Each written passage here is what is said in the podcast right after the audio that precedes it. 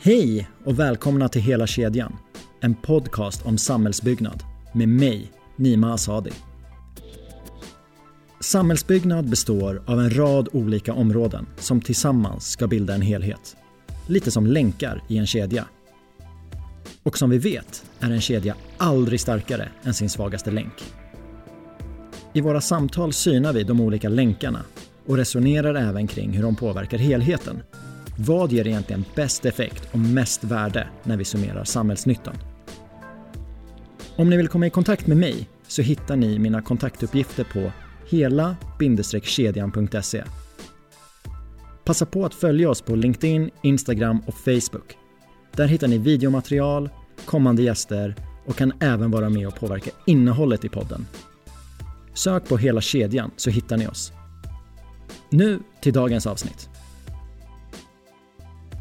Jag har under en längre tid velat spela in ett avsnitt där vi reder ut vad begrepp såsom klimatdeklaration, klimatkompensation, miljöcertifiering och kanske mest av allt vad en livscykelanalys verkligen innebär. Hur är en livscykelanalys uppbyggd? Gör vi likadant runt om i Sverige och i världen? Hur kommer man fram till rätt indata? Och vilken påverkan kan detta få på byggmetoder, material och koldioxidutsläpp? Min nästa gäst arbetar med affärsutveckling på IVL Svenska Miljöinstitutet som är ett oberoende forskningsinstitut. Och han är dessutom specialist inom LCA. Låt mig presentera Martin Erlandsson.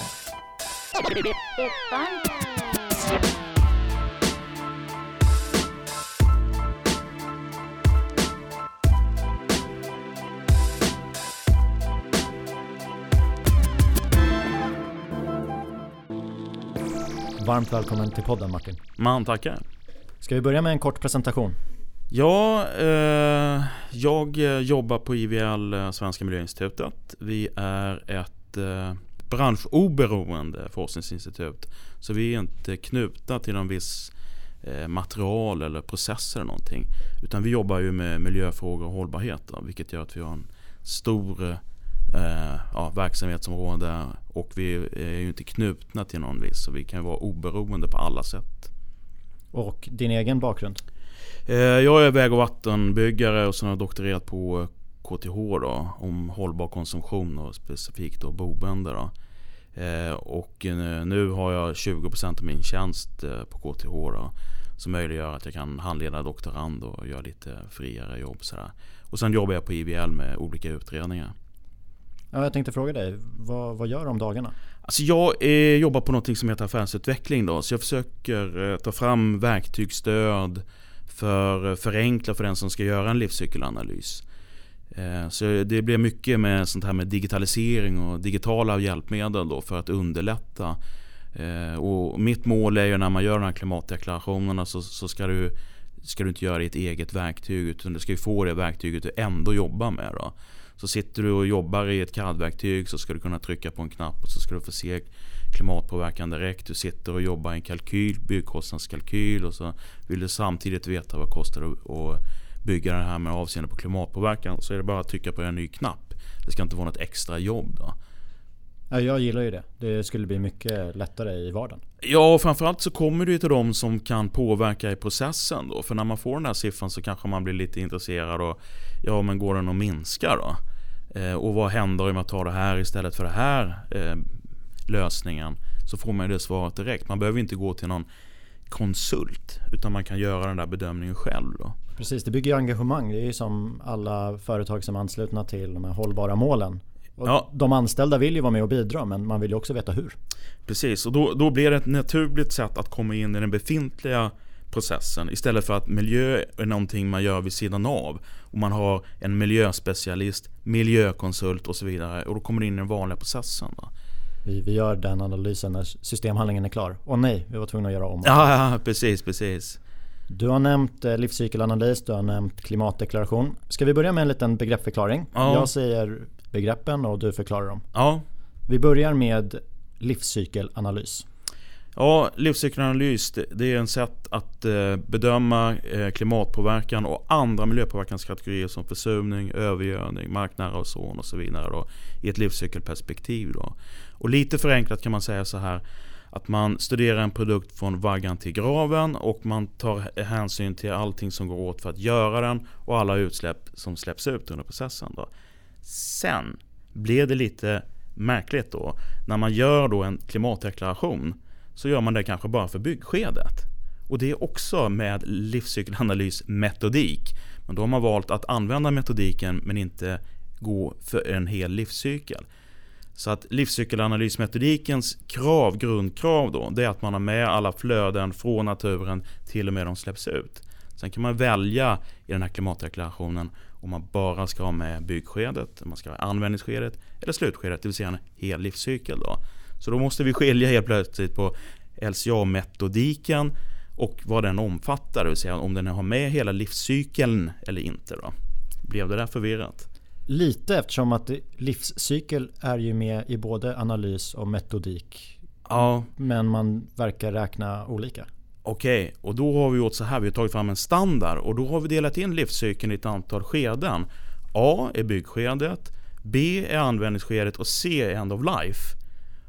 Och sen om man vill kunna ha lite mer information så har man för varje skede delat in det i ytterligare informationsmoduler. Och helt plötsligt så ska, har vi försökt i alla fall, vi som utvecklar standarder här då, att få en ökad förståelse och en ökad transparens på vilka bitar i livscykeln är det som bidrar. Och man måste också tala om vad man har med då. Det vill säga har jag med, bara med användningsskedet, då ser man att det är tomma rutor någonstans. Då, då förstår man, aha, det är inte en hel livscykel. Så om vi tar en prefabricerad betongvägg. Ja. Vaggan, vart börjar den? Eh, då börjar man med, om, om vi säger man har betong och sen i betongen använder du då eh, cement som bindemedel. Du har ballast. Då börjar vi ballast, det bryter du vid ett stenbrott, du tar naturgrus kanske.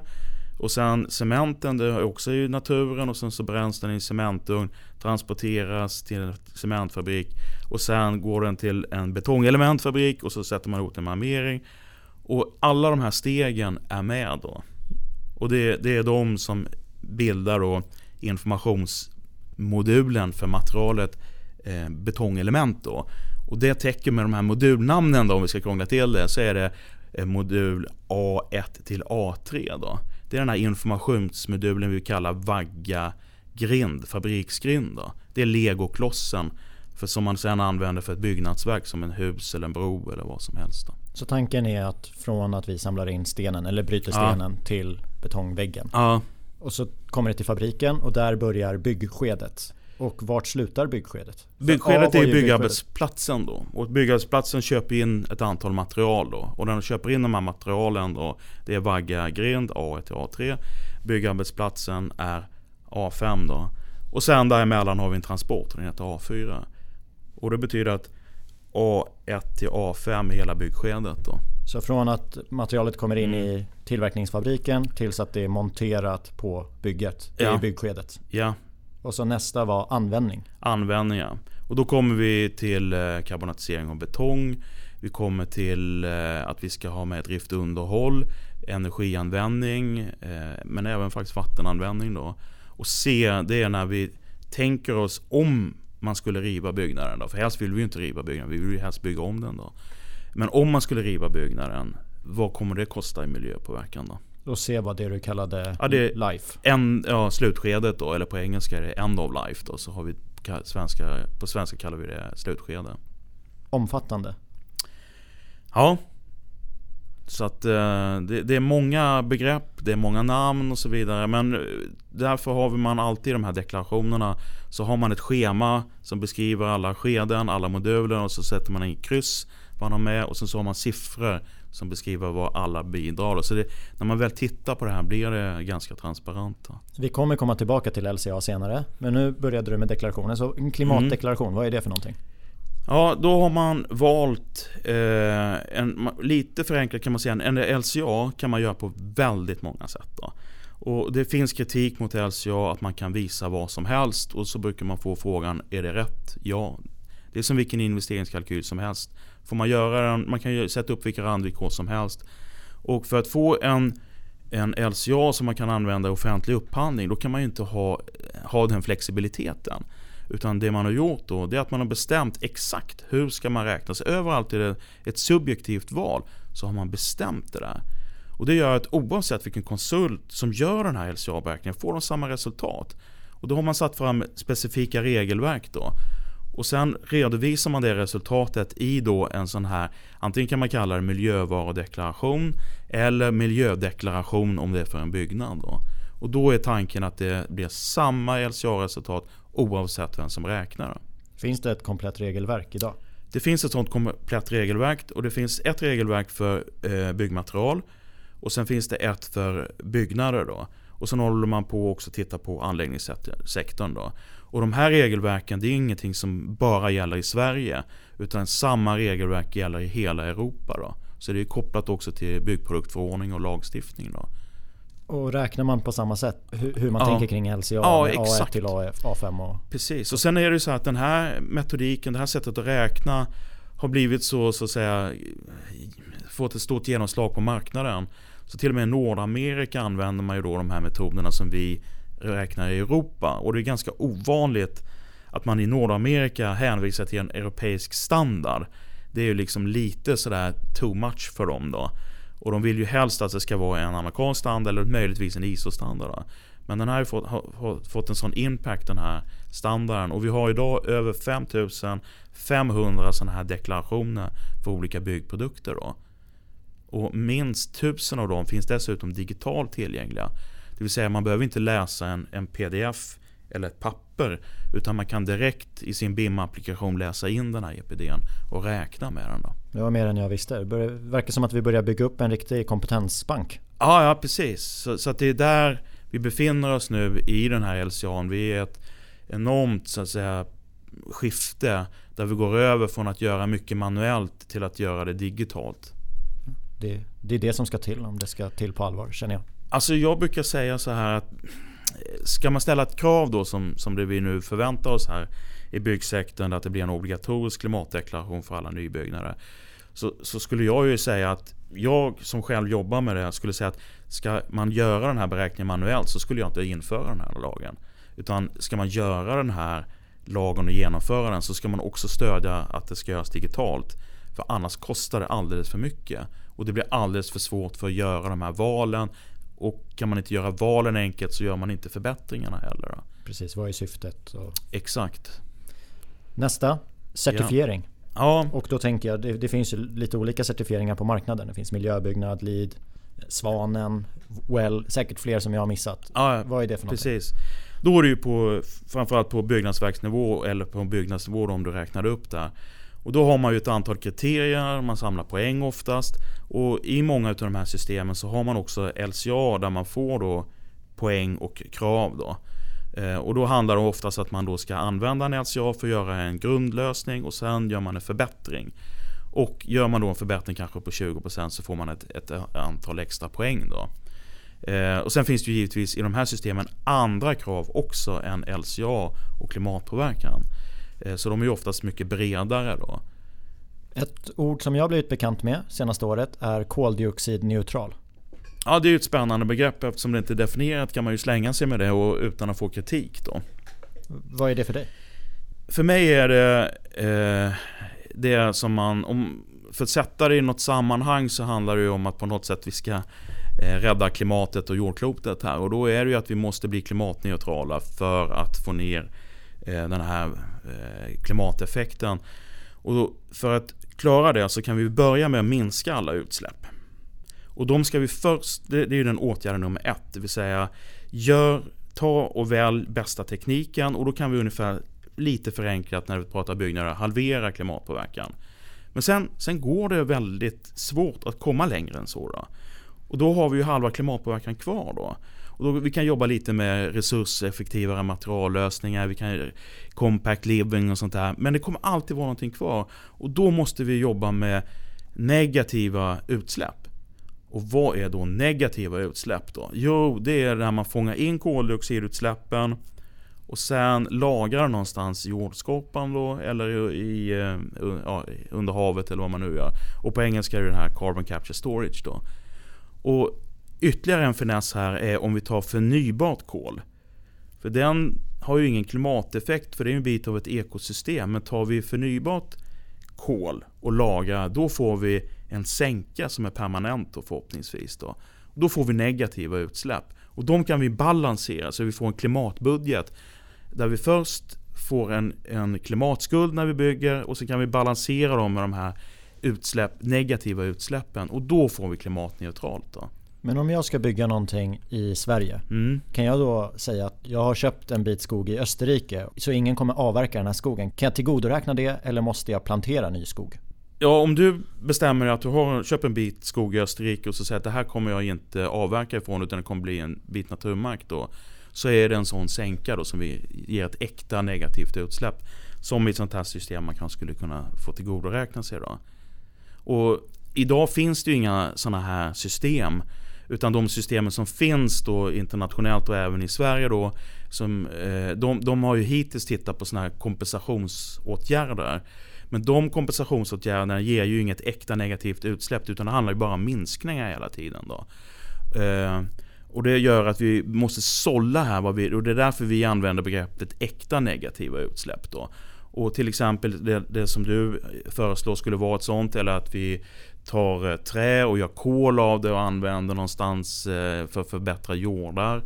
Eh, det är också sånt negativt utsläpp. Och sen har vi ju också sånt som man i tillverkningsprocessen tar ut koldioxiden, fångar in den och lagrar den i marken. Så det finns sådana åtgärder. Då. Problemen är att det, det är ju ingen som efterfrågar det här. för det är så lätt att bara köpa en utsläppsrätt och så är man hemma. Då. Sen om den har någon effekt eller inte, det, det kanske man inte bryr sig om. Men jag tror att vi har kommit så långt nu att man bryr sig om och vill veta att det verkligen har en effekt när man satsar de där pengarna. Och det, då, då, det är då jag tror vi nu framför oss ser oss de här äkta negativa klimatutsläppen. Och det är de vi kommer jaga och det är de vi kommer jobba. Och det är det vi måste ha för att uppnå klimatneutraliteten. Det var de begreppen jag hade skrivit upp. Tack. Nu tror jag att jag har så att jag kan eh, fortsätta det här samtalet och hänga på. Jag läste på lite inför idag. Så jag har plockat upp en del citat som jag tänker att jag läser upp och så kanske vi kan prata om dem. Citat nummer ett är från Boverkets hemsida och där står det så här. Livscykelperspektivet bör vara en utgångspunkt vid analys av miljöpåverkan för all ny och ombyggnad, liksom vid förvaltning av befintlig bebyggelse. Ska det vara så? Ja, och egentligen kan man säga att det där står redan i byggproduktförordningen som, som svensk lagstiftning bygger på. Då. Eh, med en liten skillnad då, att det står inte livscykelperspektiv eh, utan det står eh, miljövarudeklaration eller miljödeklaration. Och det är, skillnaden där var ju precis som jag beskrev nyss. Att livscykelperspektiv, det är en öppen metod, man kan göra lite vad man vill. Men lagstiftarna har tänkt till, det går inte utan vi måste ha enligt standarder. Och då, då är det de här eh, där det är oberoende vilken konsult. Då. Så att eh, vi har ett livscykelperspektiv i lagstiftningen för den nya klimatdeklarationen som bygger på den här LCA-metodiken med de här hårt reglerade reglerna. Då. Sen eh, är det ju så att vi i version 1 i alla fall så ställs det bara krav på att den ska omfatta byggskedet. Då. Alltså livscykelperspektivet Visst det finns ju en miljöpåverkan men det finns ju, vissa tänker ju kostnader. Att betalar jag 100 kronor för den här produkten och måste byta den om 10 år så är ju det bättre än att betala 80 kronor för en produkt som jag byter ut om 5 år. Ja. Hur uppfattar du att eh, tiderna har förändrats? För jag upplever att miljön kommer upp väldigt mycket högre nu. I alla fall när beslut ska motiveras. Hur upplever du den här förändringen i branschen? Jag upplever en enormt stark förändring och jag märker ju själv det som jag jobbar mycket med marknaden. Det är otroligt många som vill göra saker men behöver då kunskap för att göra det här. Så att det är verkligen något högt upp på agendan. Och, eh, och sen är det som du säger att när man på högre nivå i företagen vill jobba med frågorna så kommer de in tidigare i skedet. Det, det, det, det är förhoppningsvis inte eh, systemhandlingen som ska handlas upp utan i programhandlingar tidiga skeden där man börjar bestämma ambitionsnivåerna. Man testar olika lösningar redan tidigt och sen när man kommer till systemhandling och upphandling, då har man gjort alla de här bedömningarna och förbättringarna. Och det är dit vi vill sträva. Men många förknippar ju BBR, då tänker de på eh, energiförbrukning. Att det har ja. varit det styrande. Inte så mycket att vi analyserar det här materialet ur miljösynpunkt. Hur tänker du kring det? Jag, jag tror ju den här nya lagen, där pratar man också om ett gränsvärde. Och det här gränsvärdet kommer skärpas hela tiden för att vi ska nå våra klimatmål.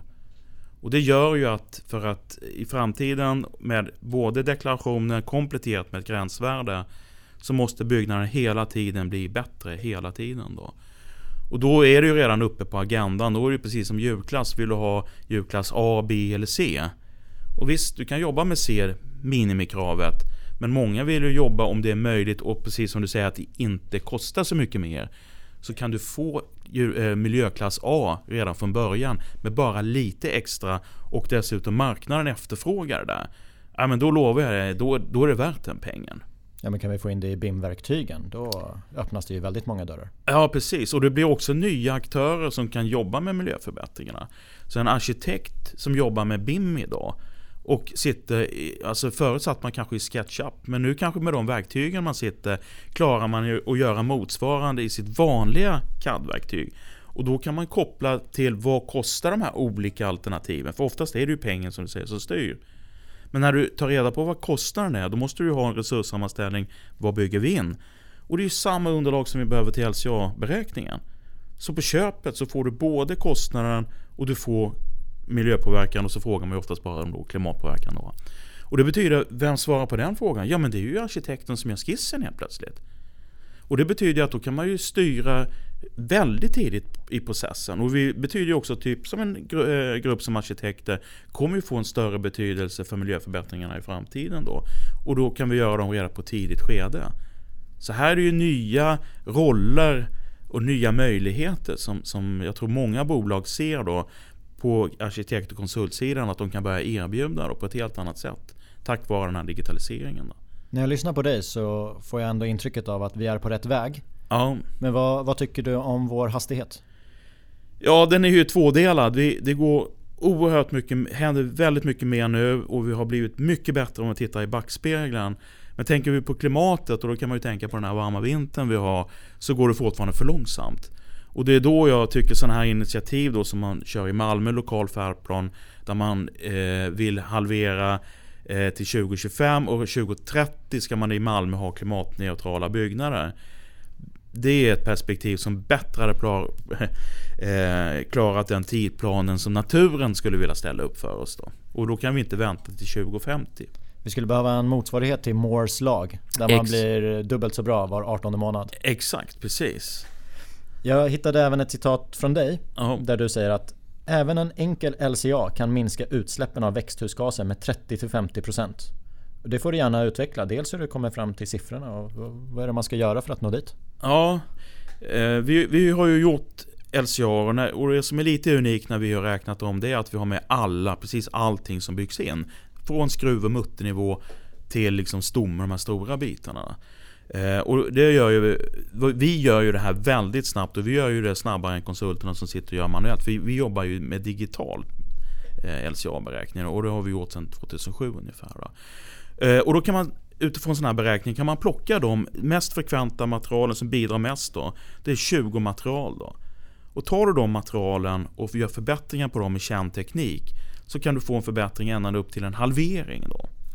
Om du väljer då de bästa materialen i de här produktgrupperna. Och varför ska man inte välja de bästa materialen? Vad är det som stoppar? Ja, om vi tar till betong till att börja med så, så vet alla att det går att blanda den här typen av betongrecept med alternativa bindemedel. Men man har inte den så att säga, man har ingen efterfrågan eller man har liten efterfrågan. Man har inte så att säga den erfarenheten och kunskapen. Eh, och sen det, eh, när det gäller betong så handlar det också om torktider då. Eh, och vi måste ta höjd för att det kanske tar längre tid att torka då. Och då måste vi förändra lite i byggprocessen och det kanske vi inte är vana vid. Då. Men om en beställare vet att det tar lite längre tid inte mycket men lite längre tid och jag får någonting tillbaka för den tiden. Det vill säga att jag får en klimatförbättring. Då kanske han är villig att ta den. Det finns ju exempel i Helsingborg till exempel. Där man är medveten om det här och redan i upphandlingen har gett den möjligheten. Då. Precis, så att vi kanske får förändra lite sättet vi bygger på. Ja. Det kanske inte kan göras precis som för hundra år sedan. Nej, Och likadant tittar vi på stål då eftersom det, det, idag finns det ju inte stål som är klimatneutralt utan då får man ta det stålet som har den lägsta klimatpåverkan. Och det stålet tillverkas ju då av återvunnet stål, skrot då. Eh, och sen måste man dessutom befinna sig i ett land, eh, inte som Polen då med, med väldigt mycket kol då, utan som i Sverige, Norge och andra länder med en, en el som är väldigt klimat... Eller ja, vad ska vi säga? Låg klimatpåverkan. Jag var inne på IVLs hemsida för jag skulle läsa på lite vad, ja, vad ni jobbar med. Ja. Då möttes jag av den här rubriken. Nu blir det enklare att digitalt ta fram klimatdeklarationer för byggprojekt. Och det stod om ett branschgemensamt verktyg. Precis. Och du är med i det? Ja, precis. Då, då är det, vi tänker oss att eh, det måste finnas ett verktyg som är billigt, enkelt och som till och med ett litet byggföretag med säg 20 anställda kan köra. Då. Eh, det här med LCA och klimatförbättring får ju inte vara exkluderande och alla måste kunna göra den här typen av beräkning. Då. Eh, och då för att bana vägen så att säga så, så, har vi bestämt oss att vi själva tar fram ett verktyg. Då. Jag tänkte fråga dig, har ni gått före här eller har det funnits en efterfrågan från branschen? Ja, från början var det faktiskt Stockholms stad som, som ville ha hjälp med att ställa offentlig upphandlingskrav på LCA. Och i den dialogen kom vi fram till att det bästa är om marknaden får ett verktyg där de enkelt kan göra de här beräkningarna själva. Då.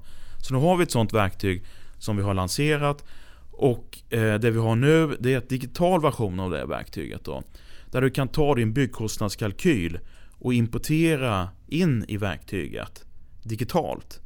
Och sen så när du då får du en resurssammanställning, det kan vara ett par tusen rader. Och sen mappar man dem mot LCA-data. Så här kommer det in en gipsskiva och sen talar man om här är miljödata för gipsskiva. Så kopplar man ihop dem där digitalt en gång. Och sen när man kopplat ihop det där en gång digitalt, så nästa gång man läser in den så kommer den ju ihåg det. Och det gör att om man räknar eh, en, en LCA med 5-6 olika byggnader så har man gjort tillräckligt mycket mappning så att när man läser in då den sjunde, åttonde, nionde så är den kanske till 70-80% redan mappat. Genom att man kom, äh, kommer ihåg det här via verktyget. Ja, när det är digitalt och databaser så tänker jag att om det finns någon BSAB-kod till exempel exakt. så fattar ju den. Precis, exakt. Och, och då, då är det nästa steg och det vi håller på också utveckla nu parallellt och ska förhoppningsvis släppa i år, det är att man sen vill göra förbättringar. Och förbättringar gör man genom att istället för de här generella, generiska data för betong till exempel, så är det så att jag ska ju faktiskt, jag menar, det är som ett referensbyggnad, den byggs ju aldrig. Och generiska material köper man inte, utan jag ska köpa från en faktisk leverantör. Då frågar jag honom, vad har du för prestanda på dina produkter? Och då har han en sån här miljövarudeklaration då. Så då vill jag ha hans deklaration. Och då bygger vi en webbtjänst. Så när du valt säg den här gipsskivan. Så via webbtjänsten så frågar du vilka leverantörer finns som levererar den här typen av gipsskiva och vilken prestanda har de? Så kan du sitta och göra det valet då. Och på så sätt kan du också göra förbättringar då. Och då konkurrensutsätter vi byggmaterialen också ur, ur klimatsynpunkt då. Men om vi tar de vanligaste byggmaterialen, vi, tar, vi säger att gips och betong, ja. det finns i de flesta hus. Hur stor spread är det bland tillverkarna på klimatpåverkan? Jag skulle nog säga att alla gipstillverkare på svenska marknaden har en EPD. Fabriksbetong, den, den görs ju lokalt. Och för att hjälpa marknaden där så finns det då ett så ska säga EPD-verktyg. Så att eh, så alla som är med i Svensk Betong, de har ett verktyg som gör att de kan ta fram en sån här EPD väldigt kostnadseffektivt. Och det är också så att de gör, eh, gör det möjligt att ta fram en EPD, en miljövarudeklaration för min batch som jag beställer den här veckan om jag vill. Så vi är väldigt eh, så att säga high tech och möjligheter då. Så att eh, du hör ju själv, det, det finns enorm drivkraft här. Då. Så det enda som jag brukar säga som saknas, det är ju de som ställer kravet. Som gör att alla som investerar för att kunna konkurrera och sälja de miljömässigt bästa alternativen också får en marknadsfördel. Och där är utmaningen idag. Så det är upp till alla beställare att komma upp och ställa krav på de här klimatförbättringarna. Något som blossat upp på senare tid är ju certifieringar. Eller senare tid. Ja, det, det, det, har väl hållit på väldigt länge. Men det känns som att fler och fler certifierar sina byggnader. Och så säger man det att vi certifierar för vi, vi bryr oss om miljön. Behöver det vara samma sak? Om jag bryr mig om miljön, är, är certifiering den enda vägen jag kan gå? Nej, Eh, jag brukar säga att certifieringar i sig då, jag har jobbat även mycket med upphandling. Egentligen så skulle jag tycka att det var mer sunt då, att vi hade upphandlingskrav som vi delar på då. Och sen ser man certifieringen som en metod att verifiera någonting då. Uh, och det är också så man försöker driva det. Det är därför vi har en deklaration och den som vill kan få den då kanske tredjepartsgranskad. Och det motsvarar det man får ut på den här certifieringen normalt sett. Då. Eh, och sen hade ju, jag, jag har även föreslagit till Moderna Byggredare det här med ljudklass ABC. Varför kunde inte byggnormen redan innehålla miljöklass ABC? Eller 5 gradigt eller vad man nu vill ha redan från början. Så alla vet vad som är top of the line och vad som är eh, baseline då. Och däremellan kan man välja någonting. Det hade ju förenklat för alla, för nu blir det att man konkurrerar liksom vilket klassningssystem. Det är ju inte vilket som är bäst ur miljösynpunkt utan vilket som är bäst impact på marknaden som kan påverka mina kunder. Vilket de känner igen. Man frågar ju inte om kriterierna är bäst. Utan vilken känner de igen till största sannolikhet Såna bitar då. Men man, man, man, vad man än tycker om, om miljöcertifieringssystem så kan man säga att de har, de har ju en påverkan och bidrar positivt till utvecklingen. Men de ska kanske också följa med i utvecklingen. Och där tror jag att de måste tänka till i framtiden och själva utveckla sig. Då. Så de här certifieringarna de lyfter upp vissa kriterier som ska vara uppfyllda och sen ska man ju följa upp det här. Ja. Ert klimatverktyg, det är bara i planeringsskedet. Har ni någon form av uppföljning i ert verktyg idag? Eh, nej, verktyget bara hjälper dig att räkna.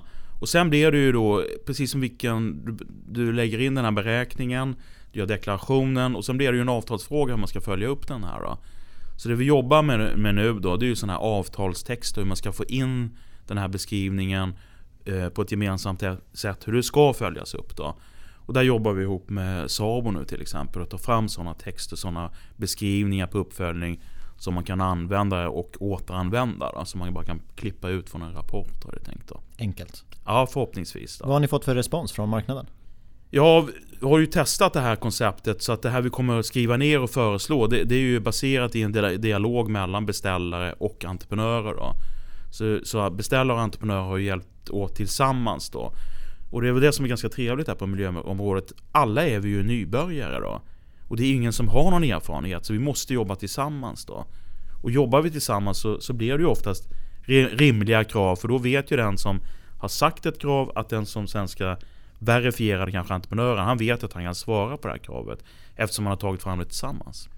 Om vi alla är nybörjare, ja. då funderar jag kring branschen i stort i Sverige. Räknar vi på samma sätt? Använder vi oss av samma indata? Vad har du för erfarenhet av det? Här är ju ett jätteproblem som snedvrider konkurrensen idag. Och eh, här är väl också den eh, egentligen min enda kritik till den här klimatdeklarationen som Boverket nu har föreslagit. Det vill säga att det finns inget krav angivet hur mycket dataluckor får man ha. Och finns det inget sådant krav om man får en siffra så vet du ju inte vad siffran representerar. Du kan ju ha gjort en LCA och en klimatdeklaration med 10 material ur ett livscykelperspektiv. Men, men, men ja, jag har gjort den på 2000 material.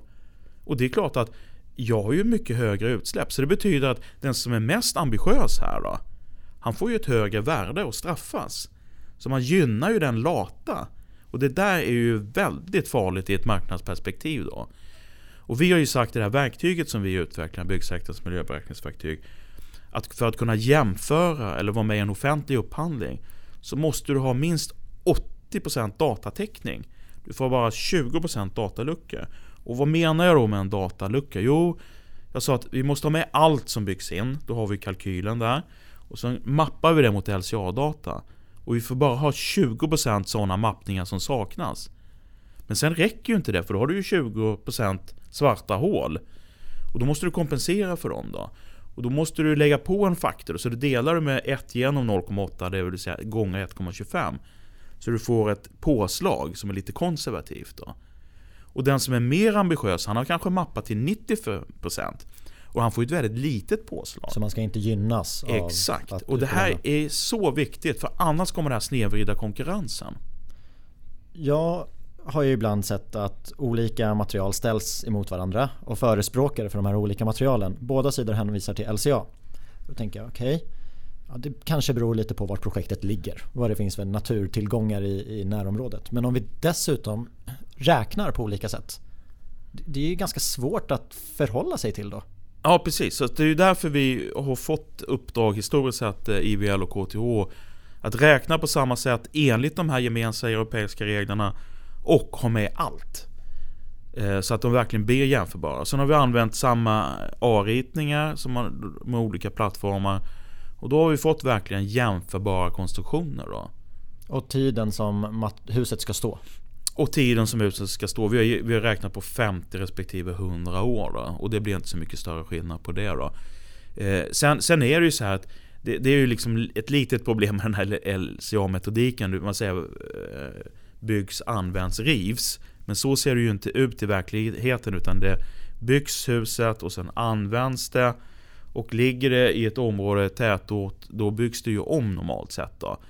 Och sen används så blir det en ny investering och sen byggs det om igen och så vidare. Då. Eh, så det, det, betyder att en LCA, när man räknar på den här slutskedet och den här rivningen, så får man ju bara se det som vad händer om huset skulle rivas då. För det absolut miljövänligaste huset, det är ju att återanvända och bygga om ett gammalt hus. Det slår ju allt då. Men det känns ju som med de byggregler vi har i Sverige att vi bygger ju ganska bra hus. Ja. De, de kommer ju stå längre än 50 år. Ja. Men vi räknar med 50 år. I den här eh, eh beräkningsregeln räknar vi på 50 år men det är inte sak samma som att i verkligheten kommer de ju stå längre då. Men vi har en analysperiod säger vi då på 50 år då. Men räknar vi på en längre analysperiod på 100 år så får vi ungefär samma resultat. Och speciellt i den här materialvalsfrågan som du säger då. Materialen blir varken sämre eller bättre om vi räknar på 50 eller 100 år. Det är ju samma slutsatser då. Ja, precis. Men jag tänker när man pratar om livscykelperspektivet.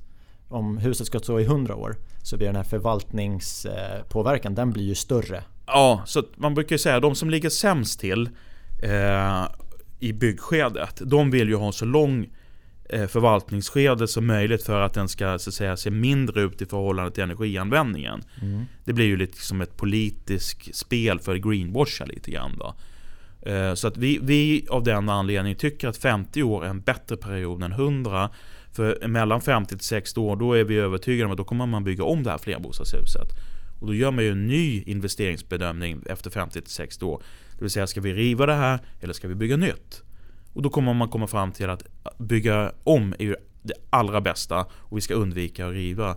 Så det här 50 år är affärsmässigt bättre tidsanalysperiod att jobba med de här LCA. Men det känns ju också som att de där 50 åren är föremål för påverkan då från olika leverantörer om vi ska bestämma en standard i Sverige. Ja, och Boverket har föreslagit 50 år. Då, ja, då, då kör vi på det. Ja, jag tycker det.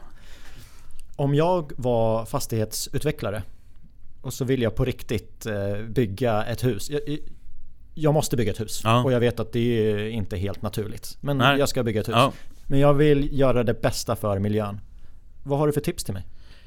Ja, man kan säga så här då. Vad är det enklaste sättet att klimatförbättra? Eh, och då kan man säga att det, bygg ett hus av trä. Då får du normalt sett en väldigt låg, upp till en, kanske en halvering av klimatpåverkan. Det, det är ett enkelt sätt att ge ett råd. Då. Eh, men då säger du kanske jag vill inte bygga med trä utan jag vill bygga med några andra material. Då. Och då, då kan du också uppnå upp till en halvering då om du använder de här andra materialen. Men det blir lite jobbigare, det blir lite svårare då. Det blir färre materialleverantörer, du måste ställa spjutspetskrav och så vidare. Då. Men det går att även bygga ett betonghus då med en halverad klimatpåverkan som kan matcha då trähuset om du då använder den här slaggen. Då. Så länge vi nu har slagg att använda som bindemedel så kan vi komma ner i de här lika låg klimatpåverkan. Men det huset är ju ännu inte byggt. Det är ju inte den typen av betonghus vi bygger idag. Det är ju ett annat slags betonghus. Men det är fortfarande ett betonghus. Då. Och likadant med stål. Då. Istället för att man har eh, primärt stål från jordskorpan så jobbar vi med skrotbaserat stål. Då. Eh, och då har vi också kunnat visa att om du har en stål eh, pelardäcklösning eh, med återvunnet stål och du har hålbjälklag med mycket slagg i, då kan du också komma ner i runt 220-230 koldioxidekvivalenter per kvadratmeter. Det blir samma som i trähuset. Så alla material har egentligen förutsättningar att komma ner ganska lågt. Då. Så vi brukar säga att oavsett vilket material du väljer så kan du komma ner under 240 kg koldioxidekvivalenter per kvadratmeter. Men du kan ta en standardprodukt för att uppnå det med trähuset. Men för stål och betong, då måste du ha de här tekniska, liksom, eh, lite mer krävande lösningarna. Du kanske får längre byggtider, du får färre leverantörer och så vidare. Jag väljer att bygga det här huset i trä. Okay. För jag, jag, jag vill ha väldigt låga värden. Ja. Men sen vill jag också visa upp vad jag har gjort. Och då finns det ju koldioxidneutral, det finns certifieringar. Det finns de utvecklare som säger vi har byggt enligt den här certifieringen men vi har inte certifierat huset. Ja. Vad har du för tips till mig om jag vill visa att jag har gjort ett bra jobb?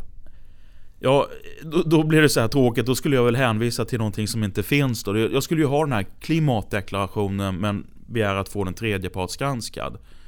Och vi har inget, vi, vi, det finns liksom ingen efterfrågan Eh, eller ja, det finns ju några sådana här, jag tror det finns för ett typhus som Folkhem har tagit fram. Men det finns ingen efterfrågan på dem på marknaden. Utan då får man istället vända på det. Då, då är min önskan då att de här med certifieringssystemen lägger in LCA som en bit av deras krav. Då. Och då har ju alla systemen, men de ska göra det på samma sätt. Då. Och Svanen till exempel, de har ju inte alls den typen av LCA-krav. då. Och att det blir en bit av de här systemen. Men jag tycker också att för en, ur marknadskonkurrens när man är offentlig upphandlare till exempel. Så kan man säga så här att jag först ställer mina miljökrav och sen vill jag ha det då utvärderat. Och då kan jag säga att, att, att då kan ett sätt vara att det är då miljöcertifierat. Men du kan också ha någon certifierad tredjepartsgranskare som granskar åt dig. Så man konkurrensutsätter de här certifieringssystemen.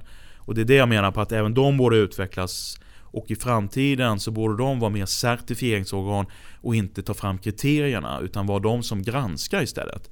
Ungefär som en ekonomisk revisionsfirma. Det är ju inte de som sätter upp spelreglerna. Det är någon annan som gör det. De ägnar sig åt granskning och är jätteduktiga på granskning. Nu tror inte jag kanske att de håller med mig, de här certifieringsföretagen. Va? Men okej, okay, det är min bild av det. Ja, det är ditt avsnitt här. Ja. Men certifieringarna växer ju. Det är fler och fler som certifierar. Den här ja. tredjepartsgranskningen, ja. är det ett område som du ser kommer växa? Ja, det är ju i alla fall min förhoppning då. Eh, och eh, i onsdags så var det en hearing på Boverket och vad man eh, i fas 2, man är redan i fas 2 börjar fundera på vad man borde göra bättre då.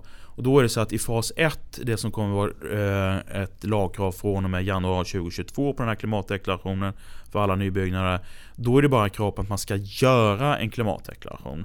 Det är inget krav på någon, någon granskning på något sätt. Och det, i min grupp där jag satt när vi skulle föreslå vad som är viktigt i det här skede 2 Det var just att det fanns åtminstone en möjlighet för de som vill, och man tror att det är många som vill det, att det finns granskare och eh, liksom, vad säger man, accepterade eller certifierade granskare som kan gå in och göra den här tredjepartsgranskningen. Att det är ett viktigt eh, komponent. Och det behöver inte kanske vara ett skallkrav men att det är någonting som Boverket tillhandahåller en möjlighet och det är ju för att reglera upp det här på marknaden då. Men det blir ju också en hjälp om man vill göra rätt. Exakt. Och då är det också så att om man då tänker sig grön finansiering då i den gruppen där jag var med så menar man ju på då att då kanske man vill gå in och titta i Boverkets register så tittar man Jaha, men den här byggnaden, de har en deklaration som är tredjepartsgranskad.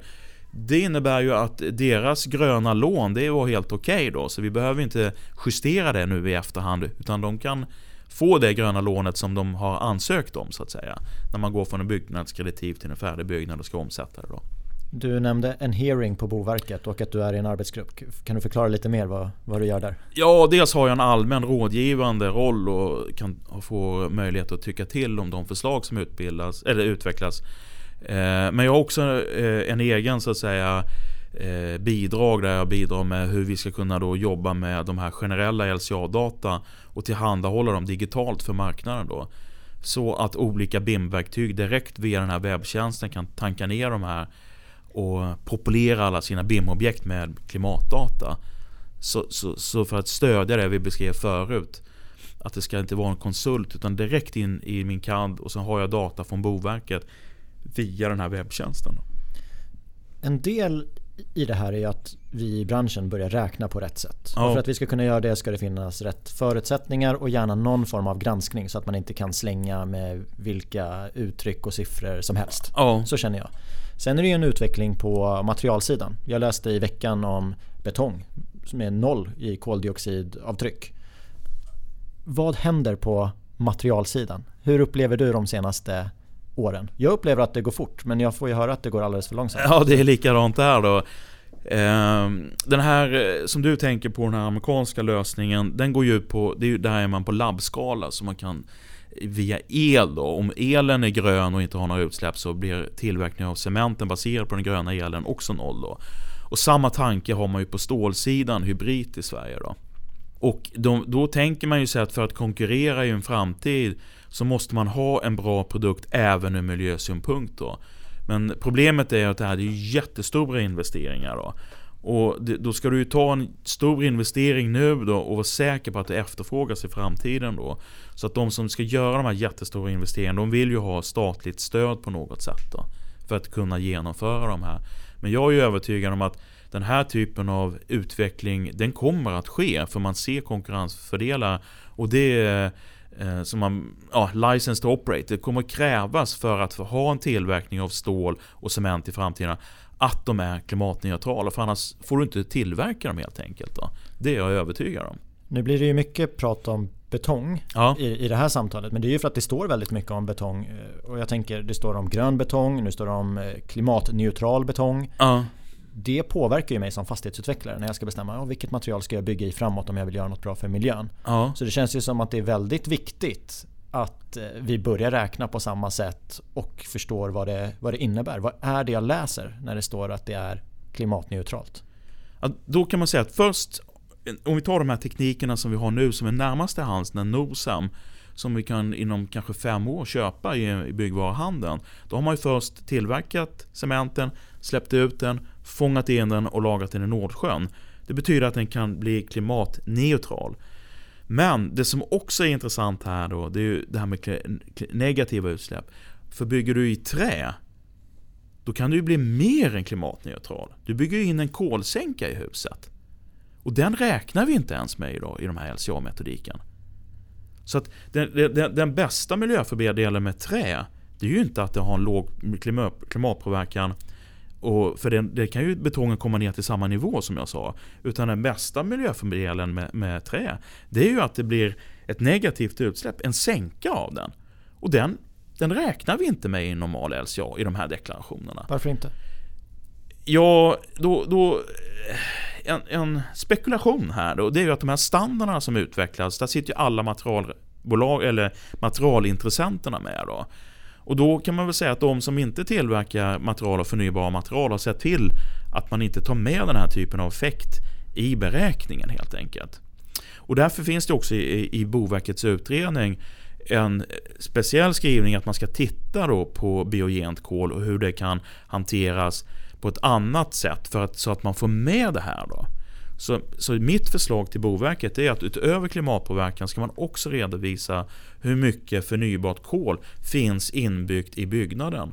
Och jag har också på uppdrag av Naturvårdsverket och Boverket räknat på ett, ett nationellt scenario som beskriver dels hur det historiskt ser ut och hur det ser ut i framtiden. Och den här inbyggda mängden biogent kol som finns i alla slags byggnader, mer eller mindre, det är en väldigt stor negativt utsläpp som vi tar med när vi räknar i vår internationella klimatrapportering. Men inte när vi gör en klimatdeklaration för en byggnad idag. Och det är väl lite märkligt? Är det inte det? Ja, när jag lyssnar på dig så är det väldigt märkligt. Ja, det ska med. Precis. Och det är också när, därför jag tror att det är bra att vi inte bara pratar om miljöskuld, miljödeklaration, utan den här klimatbudgeten, hur ska vi komma ner till noll? För då måste vi börja titta på de här bitarna. Vi börjar närma oss slutet av det här avsnittet. Vi sitter här i början av 2020. Om du och jag träffas 2025, vad kommer vi prata om då?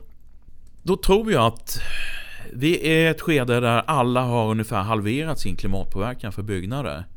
Och då tror jag att den här diskussionen med det här som vi hade uppe allra sist, den här klimatbudgeten pratar alla om då. Det vill säga hur ska vi ordna med de här negativa utsläppen då?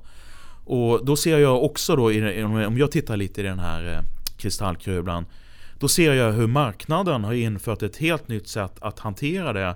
Där de har inrättat fonder där man betalar om jag nu har cement och stål som inte har de här negativa utsläppen och lägger det på en hög. Så direkt när det finns möjlighet att köpa de här Carbon Capture Storage så köper man dem och annullerar dem, det vill säga tar bort dem från marknaden. Och det betyder helt plötsligt så kan alla materialen erbjuda inte bara klimatneutralitet utan klimatpositivitet, då, det vill säga negativa utsläpp. Och då börjar vi klara klimatmålen. Då. Så det är en marknadsmekanism som ska till och där har det hänt väldigt mycket de senaste åren. Ja, ja precis. Nå något mer? Behövs det något myndighetsbeslut? Behöver regeringen säga någonting? Ja, självklart. Eh, det behövs lagar tror jag tyvärr då för att styra upp det här. Men det behövs också sådana enkla saker som stöd då för eh, den här mappningen vi pratar om när kalkylen eh, skickar ett material och sen ska det mappas mot LCA. Så nämnde du till exempel BSAB här. Vi behöver gemensamma sätt att beskriva det här digitalt. Som, som man kanske inte ska behöva betala licens för. Och som inte bara gäller i Sverige utan gäller hela Europa. För det, det räcker ju inte att bara vi gör det här i Sverige. Så kan vi tillhandahålla massa sådana här digitalt stöd. Så kanske det är vår bästa bidrag att bidra internationellt med klimatförbättringar genom att hjälpa till med det digitala stödet som oavsett om de frågar efter eller inte utomlands så blir det samma för dem. Om vi ser till att det bara trycka på en knapp i vårt BIM-verktyg så kommer vi se till att det blir samtidigt samma effekt i Tyskland, Spanien eller Indien. Du målar upp en positiv bild. Det är viktiga saker som ska till. Men det är, det är kul att vara en del i det också. Ja, det är många utmaningar. Men eh, för att eh, tycka om sitt jobb och tycka om möjligheten till överlevnad så måste vi försöka söka efter de här möjligheterna. Det är i möjligheterna vi bygger framtiden. Då. Till de som har lyssnat på det här avsnittet och vill eh, läsa på mer. Har du några rekommendationer? Vart kan man läsa på? Eh, alltså vi har en artikel eh, som i Bygg och Teknik där man jämför olika byggplattformar. Eh, den skriver också lite om upphandling, eh, hur, hur man kan ställa olika upphandlingskrav. Så den skulle jag kunna rekommendera som en första läsning, bara ett par sidor. Sen är det det här vi jobbar med i SABO, med texter för upphandling. Och sen är det lokal färdplan i Malmö när vi pratar klimatbudget. Så de tre referenserna som, som borde vara, den ena är ju redan tillgänglig nu men de andra två in kanske februari, mars senast. Där tror jag man kan läsa på om det allra senaste. Då, då har jag något att se fram emot. Ja, välkommen. Tack för att du gästade podden Martin. Ja, tack så mycket. you